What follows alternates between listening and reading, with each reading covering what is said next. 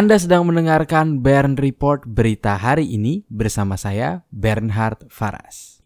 Berita teknologi. Berita pertama, livestream Lofi Hip Hop Chilled Cow ditangguhkan oleh YouTube. Livestream Lofi Hip Hop Radio Beats to Relax or Study dari kanal YouTube Chilled Cow ditangguhkan dari YouTube. Livestream tersebut sempat terhenti selama satu hari. Livestream Lofi Chilled Cow populer dengan latar anak perempuan yang sedang belajar. Setelah penangguhan, live stream tersebut menjadi video terpanjang yang pernah ada di YouTube dengan durasi video sepanjang 13.000 jam dan ditonton oleh lebih dari 218 juta penonton. Tidak lama, YouTube menurunkan penangguhan dan live stream tersebut bisa diakses kembali. Kanal tersebut memutar lagu-lagu kompilasi Lofi dan diputar secara live stream di YouTube.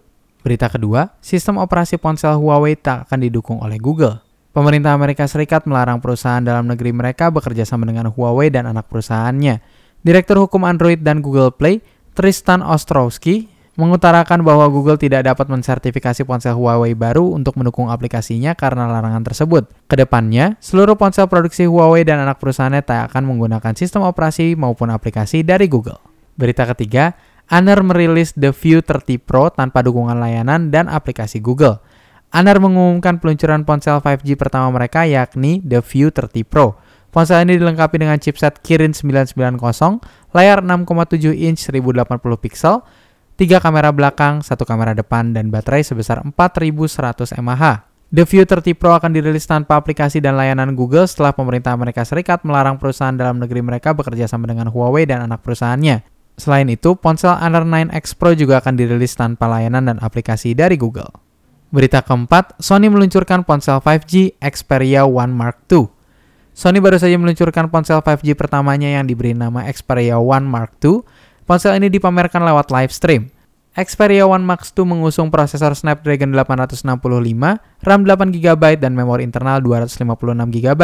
Xperia One Mark 2 juga dilengkapi layar 4K HDR OLED berukuran 6,5 inch dengan rasio 21 banding 9. Tanpa notch atau punch hole, layar ponsel masih menggunakan bezel yang cukup tebal hingga bagian atas dan bagian bawah layar. Berita kelima, Wuling sebut corona tak ganggu produksi mobil di Cikarang.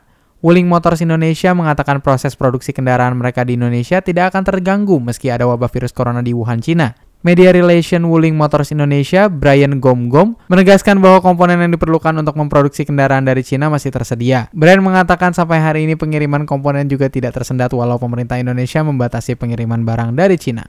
Berita ke-6, Apple akan rilis AirPods versi Lite.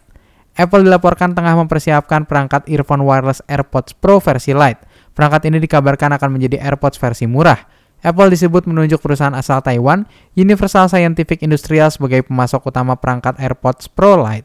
Selain itu, perangkat ini disebut akan meluncur pada pertengahan tahun 2020. Namun, pihak Apple belum mengonfirmasi kabar itu hingga saat ini. Untuk teks dan sumber berita selengkapnya, dapat Anda lihat di website www.bernhardfaras.com. Terima kasih sudah mendengarkan Bern Report berita hari ini.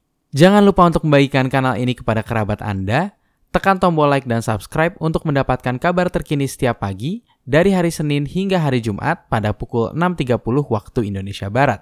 Saya Bernhard Faras pamit undur diri. Semangat selalu dalam menjalani hari ini.